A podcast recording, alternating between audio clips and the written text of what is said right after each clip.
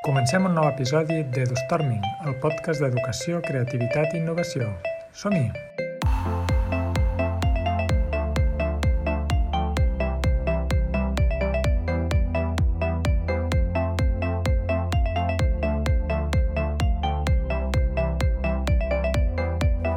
A l'episodi d'avui parlarem amb Dimas Fàbregas, que és el director de l'Escola La Immaculada de Vilassar de Dalt i especialista en aprenentatge globalitzat, sobretot a partir de l'art. Alguns el consideren un mestre inquiet. I, de fet, vam coincidir durant el procés d'acompanyament a les escoles de la mostra d'Escola Nova 21 i quan els visitava l'escola realment percebies no? aquesta curiositat, inquietud. De seguida t'adones no? que és una persona molt inquieta, amb, amb moltes inquietuds precisament, però que les sap portar a l'escola que sap que aconsegueix dinamitzar doncs, molts projectes, eh, compartir molt perquè està col·laborant amb molts altres projectes i ell sempre que, que pot doncs, comparteix la seva experiència i el seu coneixement en xerrades, cursos o a, o a molts llocs. No? Per tant, és una persona molt interessant, molt oberta i realment un plaer que avui pugui estar aquí amb, amb nosaltres.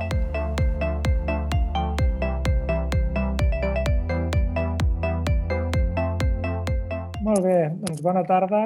Dimes, comencem la, la conversa d'aquesta tarda. Què és la creativitat i com la podem treballar a l'escola? A veure, mira, fins ara, la idea aquesta de creativitat, jo sempre l'havia associat molt a, a, la, a la idea de donar respostes, no? Allò, donar unes respostes diferents, eh, donar respostes des de diferents punts de vista, eh? i sempre havia pensat en les respostes. I ara fa un temps que li estic donant voltes, i a més a més l'altre dia em va anar molt bé perquè llegia eh, una entrevista que havien fet al, al Jorge Wagensberg, i, i deia una cosa així com que mm, donar noves respostes és, evolu és evolució però fer noves preguntes és revolució.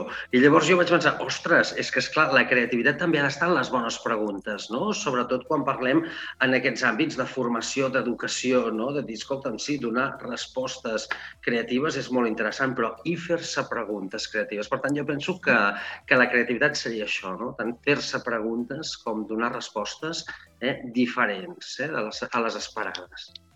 Molt bé. Com ho podem treballar a l'escola? És un tema tan gran, no? tan ampli, de tantes... pot entrar per tants, per sí, tants costats. Sí, jo sobretot penso que el que cal a les escoles, als instituts, és mm, obrir-se més, o sigui, obrir, obrir la mirada, Um, tenir molt en compte els set principis de l'aprenentatge, no? principis que es diuen, doncs, això, per exemple, que, que l'alumne és al centre de l'aprenentatge. Per tant, donar molt més protagonisme a l'alumne, traspassar-li molt més, fer-lo molt més el, el protagonista dels seus processos, no? d'aquests processos d'aprendre, de, de fer-se preguntes, de cercar respostes, de formular hipòtesis, de comprovar-les. O sigui, penso que és, um, ara utilitzaré aquesta paraula, no? que sembla que estigui com molt de moda, la idea aquesta d'apoderar, eh? apoderar aquest alumnat eh? Mm, i que siguin ells els que hagin de prendre decisions i, per tant, hauran de trobar hauran de solucions creatives, hauran de, de fer servir l'enginy, no? I penso que això, això és una bona manera de, de que les escoles i els instituts, centres educatius en general, doncs, puguem afavorir el que són aquests, aquests processos educatius creatius, no? I no caure en l'error de que la creativitat és només en les disciplines artístiques, no? Sinó que hem de ser creatives i creatius quan resolem un problema matemàtic, hem de ser creatives i creatius quan fem una, una composició doncs, literària, eh? Per tant, la creativitat ha de, ser, ha de ser a tot arreu. I penso que això també és una cosa que, que l'escola ho ha d'entendre com a, com a un punt important a treballar, no? que hi hagi aquesta cultura no? d'afavorir uns contextos creatius al centre. Inclús més enllà de, del propi àmbit escolar, no? arribarà un moment que haurem de resoldre problemes de, del nostre entorn, haurem de resoldre problemes a la nostra vida laboral o professional, pel qual també haurem de, tenir, haver adquirit aquests hàbits i aquestes habilitats i actituds per, creatives no? per, per resoldre situacions. Exactament. Mira, cada vegada que estem en, en, que entrem en un moment de crisi, que últimament sembla que no acabem de sortir d'un i entrem en un altre, eh? crisis econòmiques, crisis socials, no? I sempre sents allò, només se'n sortiran aquelles persones que siguin creatives, no? I fixa't, eh? dius, ostres, doncs és que realment el que hem de fer és això, no?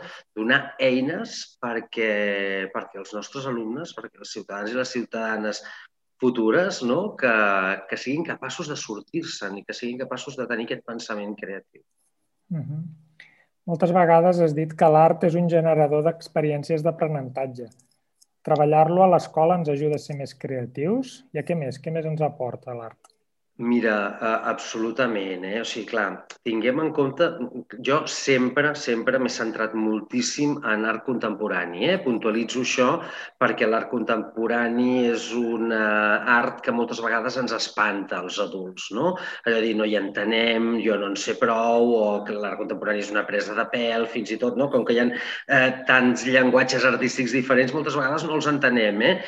Aleshores, jo sempre dic, mira, deixem aquests prejudicis de banda Eh? I en els centres, els nostres alumnes, com que són més frescos, no els tenen aquests prejudicis, ells hi entren molt bé amb tot el tema de l'art contemporani. Per tant, nosaltres entrem-hi una miqueta també a través d'ells. No?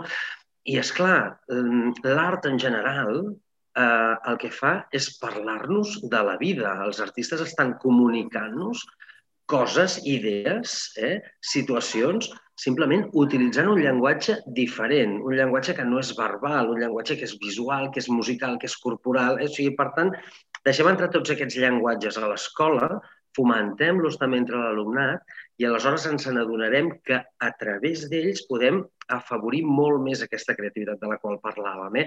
Llavors, és clar, eh, per exemple, ens trobem que a l'escola fem el que fem, sempre intentem connectar-ho amb el que estan fent les artistes i els artistes contemporanis. No? Eh, per exemple, recordo, eh, doncs, eh, el curs passat, que el gran tema de l'escola, eh, parlo, de l'escola infantil i primària, eh, la Immaculada de Vilassar de Dalt. El gran tema de l'escola era eh, la crisi climàtica, eh, era, era el, el, la crisi del planeta, i doncs vam investigar molt sobre l'efecte hivernacle, sobre bueno, dels desastres ecològics, sobretot el que estava passant, el que, el que està passant actualment al planeta, i després vam veure doncs, tot això que nosaltres hem après, com els artistes també n'opinen d'això, no? I vam veure, per exemple, el John Gerrard, que ha fet una, una escultura, bueno, és com una pantalla, una escultura simbòlica, que és una bandera que, es, que va traient fum, va traient CO2, no?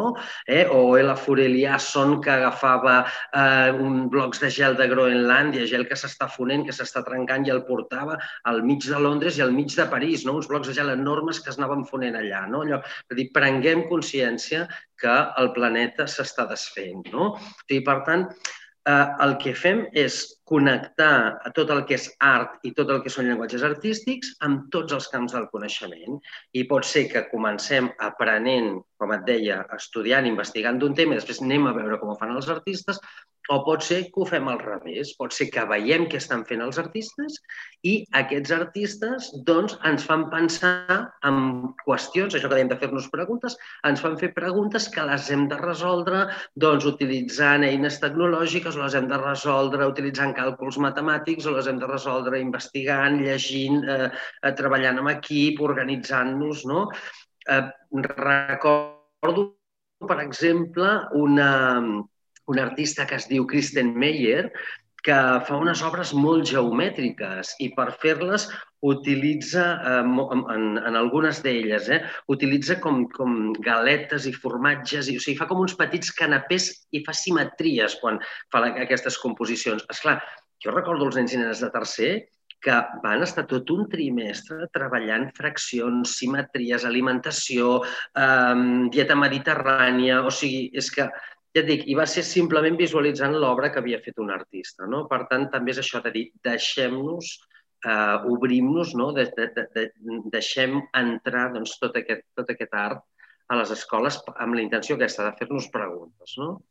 I pel que expliques, obre un, un escenari molt transversal, no? De seguida podem incloure, ara ho deies, des de nutrició fins a matemàtiques, fins a medi ambient, Sí, mira, absolutament. Eh? I a més a més que estem parlant d'art contemporani, per tant, art del nostre temps, art del nostre moment, art que ens interpel·la, que ens posa davant d'un mirall.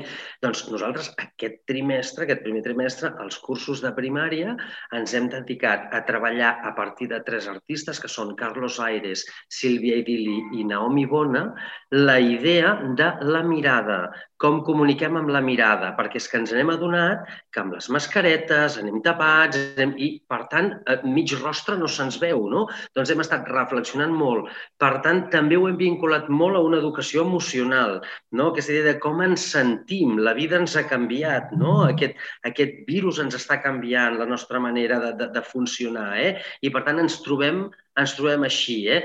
I anant encara una mica més enllà, els alumnes de sisè en aquests moments, també al principi de curs, que van estar analitzant tot doncs, eh, com, com era aquest virus, el perquè d'aquest virus, el que havia comportat aquest virus, aleshores van fer un salt a preguntar-se com se sent la gent davant d'aquest virus. I van acordar, investigar i preguntar mitjançant una enquesta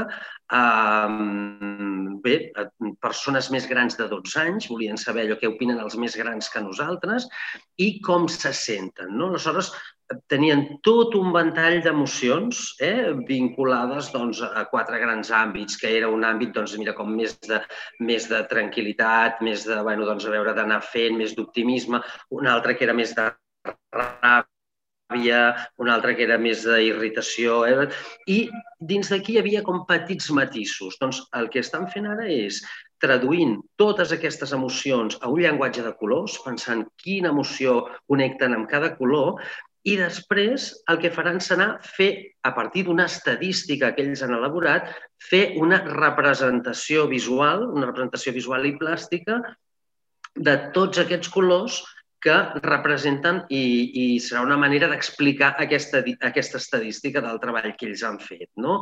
Eh? Per tant, és allò que dius, podem passar d'un llenguatge matemàtic a un llenguatge artístic, a una situació, a un llenguatge emocional. No? Per tant, jo crec que mm, és la voluntat d'entendre que tot està connectat i traspassar-ho així als nostres alumnes. És a dir, aquelles parcel·les de ara toca fer matemàtiques, ara toca fer llengua, ara toca... Eh? Mm, Sí que és veritat que tenim un treball sistemàtic i que anem d'aprendre perquè hi ha unes, unes àrees instrumentals que són importants i que és important assolir unes bones bases, però sí que és veritat també que hem d'ensenyar als nostres alumnes que els camps de coneixement estan connectats entre si i que uns enriqueixen els altres. Anava a preguntar pel, pel disseny d'experiències d'aprenentatge significatives, però ja amb els exemples que m'estàs posant ja realment ja estem aquí, no? És això, és això. O sigui, clar, es, es tracta que tot sigui molt vivencial, molt significatiu i molt útil, no? Que totes aquestes propostes que els fem, eh, doncs, mm, se les sentin seves, les defensin. Molt important, eh? Que, que tinguin clars quins objectius volem assolir. I això ara, ara aquí podríem parlar i això ja derivaríem cap a una altra banda tot el tema doncs, de, de tot el que seria l'avaluació, els objectius i tot això, però ells, ells en són partíceps, eh? o sigui, els nens i les nenes eh, pensen quins objectius volen aconseguir, eh, pensen eh, quins criteris d'avaluació seran els importants eh, per, per autoavaluar-se fins i tot. Eh, I per tant és així com aprenem significativament, no? visquent molt les situacions, les situacions d'aula.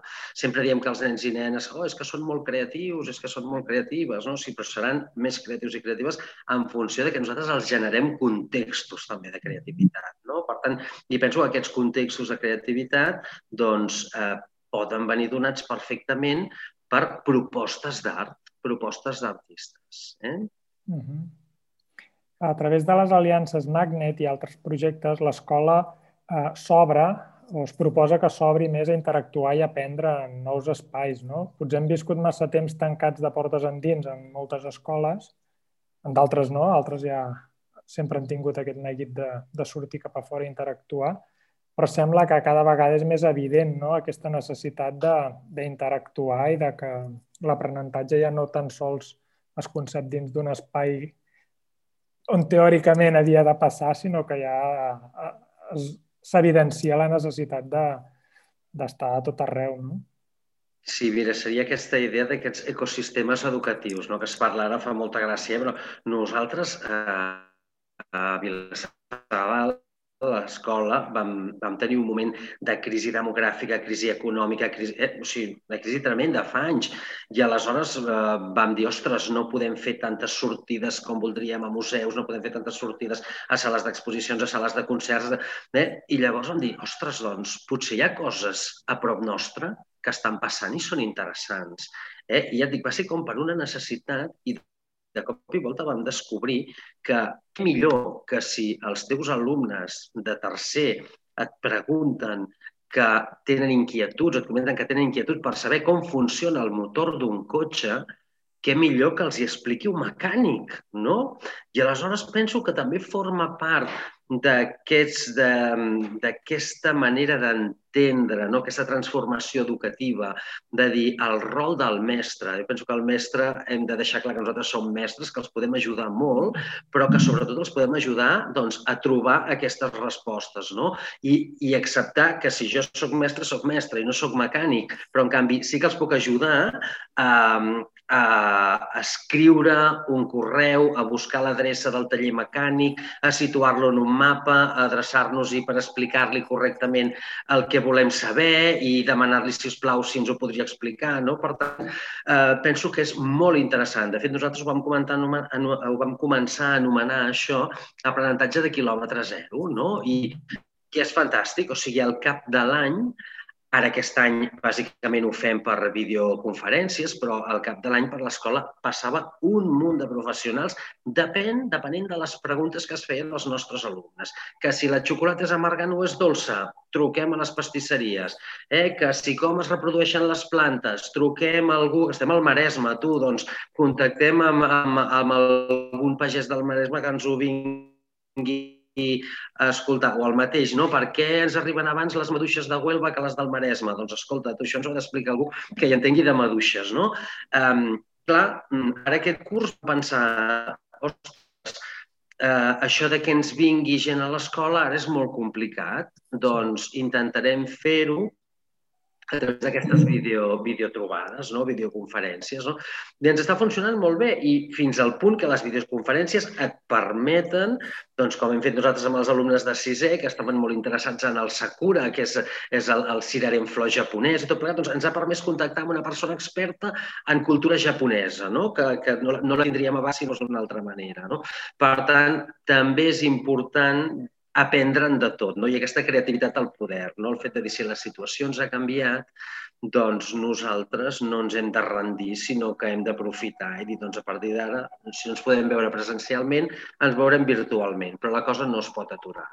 Eh? I penso que sí, que ens hem d'obrir, hem de crear xarxa, no només amb professionals, eh? perquè això és molt interessant, el fet de dir eh, les persones que estan al nostre voltant tothom és agent educador, perquè tothom potencialment, no tothom ens pot explicar alguna cosa interessant, però és que a més a més hi ha institucions, hi ha entitats, que si la biblioteca pública, que si el casal d'avis, que si el que sigui, eh? o sigui, es poden crear vincles i, i realment els projectes que en surten són molt enriquidors per tothom. Eh? I tant.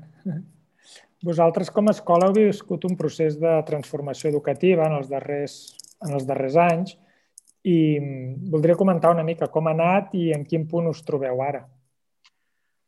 A veure, mira, de fet nosaltres a la Immaculada de Vilassar de Dalt eh, feia anys que teníem aquesta inquietud i que anàvem, i que anàvem fent proves i que anàvem mirant i anàvem observant i veiem què es fa aquí, què es fa allà, què es fa a Finlàndia o què es fa al Canadà. No?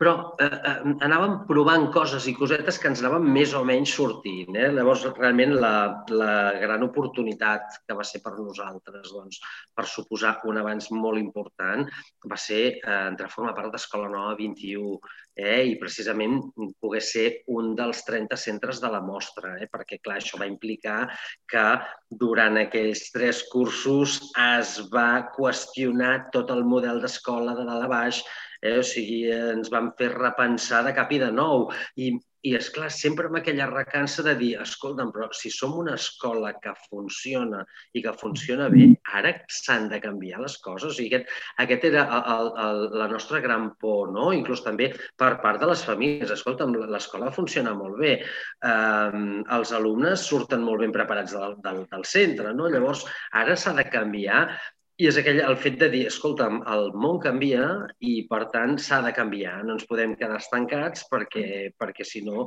no ens en sortirem.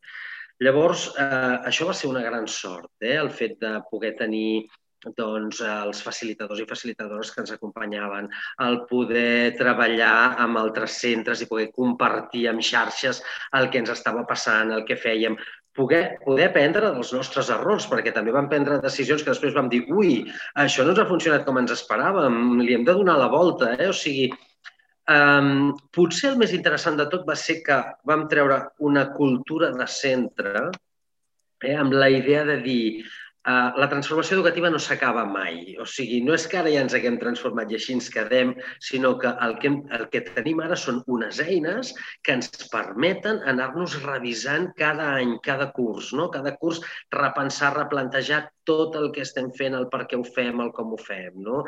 Aleshores, uh, això va ser molt interessant i, i de fet, el, el, el desembre del 2019 quan va acabar Escola Nova 21 va ser un moment de dir, ostres, i ara què passarà? Nosaltres tenim aquestes eines, sobretot també amb la idea que dius, ostres, com a escola eh, hem fet un canvi brutal, hem fet un salt qualitatiu impressionant, les famílies també ho comentaven, no? el fet de dir, ja venien contents a l'escola, els nens i les nenes, però és que ara venen entusiasmats, no? Clar, llavors això també et sents, et sents recolzat. Eh? A banda de que, de que en, en tot aquest procés, tant les famílies com els alumnes, juntament amb l'equip de mestres, tothom hi va fer les seves aportacions. Per tant, entre tots els agents vam ser, doncs, com van decidir, l'escola que voldríem.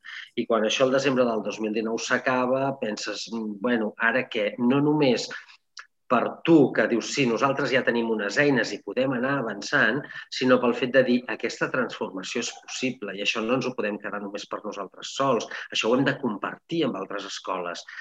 I afortunadament el Departament d'Educació va agafar-ne el relleu amb el Laboratori de Transformació Educativa, que la veritat és que penso que s'està fent una molt bona feina, hi ha un gran equip al darrere i que ho estan batllant moltíssim doncs, que tota aquesta transformació no s'aturi. Eh? I, i estem contents perquè en aquest moment doncs, estem com dins dels centres avançats, diguéssim, en aquest laboratori de transformació educativa i això ens permet treballar en xarxa amb altres centres, això ens permet doncs, compartir el que nosaltres ja hem fet i, i evidentment és allò que dèiem, no existeix una fórmula, sinó que cadascú s'ho ha de fer seu no, a la seva escola i, i pensem doncs, que, que, que això és important i, i ens alegra no? doncs, poder Mm, poder explicar a altres escoles que vulguin transformar-se doncs, quin ha estat el nostre camí, quines coses ens funcionen. Eh? I d'altra banda també, que, que penso que també és un projecte molt bonic, és el, el del Fòrum pels Futurs de l'Educació, eh? que és un projecte doncs, a través de la Fundació Jaume Bofill i vinculat a la UNESCO, és un projecte més a nivell internacional, no? per veure doncs, com doncs, es pot millorar l'educació, però ja, ja seria a nivell global també per millorar la qualitat de vida i per millorar doncs, eh, de les persones i per millorar el planeta. Eh? Per tant, mm, això que em preguntaves, doncs, aquest és en aquests moments el, el camí, que això està explicat en un moment, però són hores i hores de feina, de revisions, de reunions, de compartir, de pluges d'idees, de, de repensar-te tot el que fas, de proposar com ho faràs de nou, però la veritat, eh, mm, ningú de l'equip de mestres tornaria enrere. Eh? O sigui, això, això està claríssim. Eh? O sigui, clar, el, el bonic és això, no? el fet de dir que aquesta transformació l'hem fet entre tots i ningú vol tornar enrere. Eh? Tothom, tothom pensa que, que és molt millor eh? Eh, doncs, fer propostes com les que fem ara a l'escola. I ara amb la Covid també us ha tocat eh, reinventar-vos o adaptar-vos a, a nous escenaris i noves situacions? Sí, totalment, totalment, perquè és clar, eh, el, sobretot el que condiciona moltíssim és aquesta idea dels grups bombolla, no? Perquè és clar, nosaltres una de les coses que havíem definit era la flexibilitat, flexibilitat d'horaris, flexibilitat d'espais, flexibilitat d'agrupacions. Clar, nosaltres teníem els alumnes de diferents edats treballant per interessos. Si tenien un mateix interès, treballaven junts amb, amb equips d'investigació, no? Aleshores, clar, tot això ara en principi eh, ha quedat aturat, però aturat entre cometes, perquè com et deia, no? doncs, eh, mirem si tenim unes eines tecnològiques que ens permeten fer això, que ens permeten mantenir aquests vincles amb els, amb els altres companys i companyes. No? I ho estem fent, ho estem fent. Eh? Estem intentant treballar, eh, treballar en projectes doncs, que ja dic a nivell telemàtic que puguem coincidir. També hem donat molta importància a la idea de comunicar-nos, eh? per tant, tot allò que fem, que creiem que és interessant explicar-ho als altres, eh, doncs els, els convidem a connectar-se un dia i els hi presentem aquella investigació que hem fet o aquella proposta que tenim. Eh. També hem creat unes bústies de missatges, una missatgeria escrita, diguéssim, que podem deixar missatges per les altres classes per tal de continuar mantenint aquest vincle. Eh. Aleshores, eh, ja et dic, sí que ha sigut um, un, un replantejament i un canvi, però també el que diem és això, és el fet de dir que aquesta situació no ens faci anar enrere. O sigui, el que tenim molt clar és que això no pot suposar un retrocés una altra vegada de dir, doncs, tornem a les classes magistrals perquè jo sóc el mestre que m'he d'estar amb el meu grup. No, eh? o sigui, intentem fer noves, noves propostes, per exemple, les capses, les capses d'aprenentatge, no? on els alumnes, a partir d'aquestes capses que ells trien, doncs, eh, de manera autònoma i com més personal, doncs van desenvolupant tot unes feines també de tot, tots uns treballs de, de, de recerca, d'investigació, eh, d'experimentació. Per tant, e, e, és la idea aquesta, no? de, de, de no perdre pistonada i de procurar, i de procurar trobar noves solucions, el que dèiem, no? de, de la creativitat. I tant. Ja per acabar, Dimes, un recurs educatiu que vulguis recomanar o compartir i una cita per tancar la conversa. Bueno, mira, jo, com que nosaltres sempre parlem d'art i, i, i a mi quan em toca doncs, fer formacions i fer xerrades i tot això, i la gent sempre diu oh, però d'on traieu tants, tantes idees, d'on traieu tants artistes, eh? Doncs mira, nosaltres a la web de l'escola, que és la nova immaculada.cat, eh? web de l'escola La Immaculada de Vilassar de Dalt, segur que és fàcil de trobar, hi ha una pestanya que es diu l'artista de la setmana. I, I precisament és que cada setmana presentem un artista un artista contemporani que ens serveix en principi per conversar, però de vegades el, només el fet de conversar ja ens provoca preguntes i de vegades fins i tot ens, ens genera les ganes de treballar com aquell artista. Sempre diem, eh, no pas de copiar-lo, sinó de treballar com ell com ella treballa. No? Eh, per tant, un recurs on podeu trobar molts artistes i moltes propostes artístiques és a la, a la web de la nostra escola, eh, la novaimmaculada.cat, a l'artista de la setmana o a la maleta d'artista. La maleta d'artista és la versió de, per educació infantil. Eh? Per tant, d'introduir l'art contemporani a l'aula i em demanes una cita. Mm, mira, he, he parlat molt de fer-se preguntes, aquesta idea, eh? de fer-se preguntes, fer-se preguntes a través de l'art. Doncs jo hi ha un artista xinès que m'agrada molt, eh? que és Ai Weiwei. Fa pocs anys va tenir una exposició a Art Santa Mònica. Eh? Ai Weiwei té algun comentari, té alguna idea que ve ser una cosa així, com dius, sempre he pensat que l'art és una bona eina per fer-se preguntes. Eh? Doncs una miqueta aquesta seria la, la, la meva filosofia d'entendre de, l'educació a partir de l'art, no? que l'art ens serveixi per fer-nos preguntes i bones preguntes. I tant. Moltes gràcies, Dimas. Uh, després de la, de la conversa sembla que l'art també ens aporta només de les impressions de la conversa, eh? inclús positivisme i, i un estat d'ànim una mica més a, a, actiu i alegre, no?, del que sí, estem acostumats. Sí, absolutament. Fixa't-hi, eh? Això és una reflexió que es feia molt quan ens van tancar durant el confinament els mesos de març, abril, eh? Fixa't que tothom ho deia, és que la gent està sortint als balcons a cantar, és que la gent surt a fotografiar i documenta el que veuen, és que la gent està dibuixant, és que o sigui, necessitàvem, eh, perquè també té aquesta part terapèutica, no? necessitàvem l'art i els llenguatges artístics en general per, per evadir-nos no? d'aquest moment tan, tan greu i tan, tan dur que estàvem patint tots. Eh? Per tant, sí, sí, endavant amb l'art, que segur que ens millora la vida. Moltíssimes gràcies, Dimas. Moltes gràcies a tu.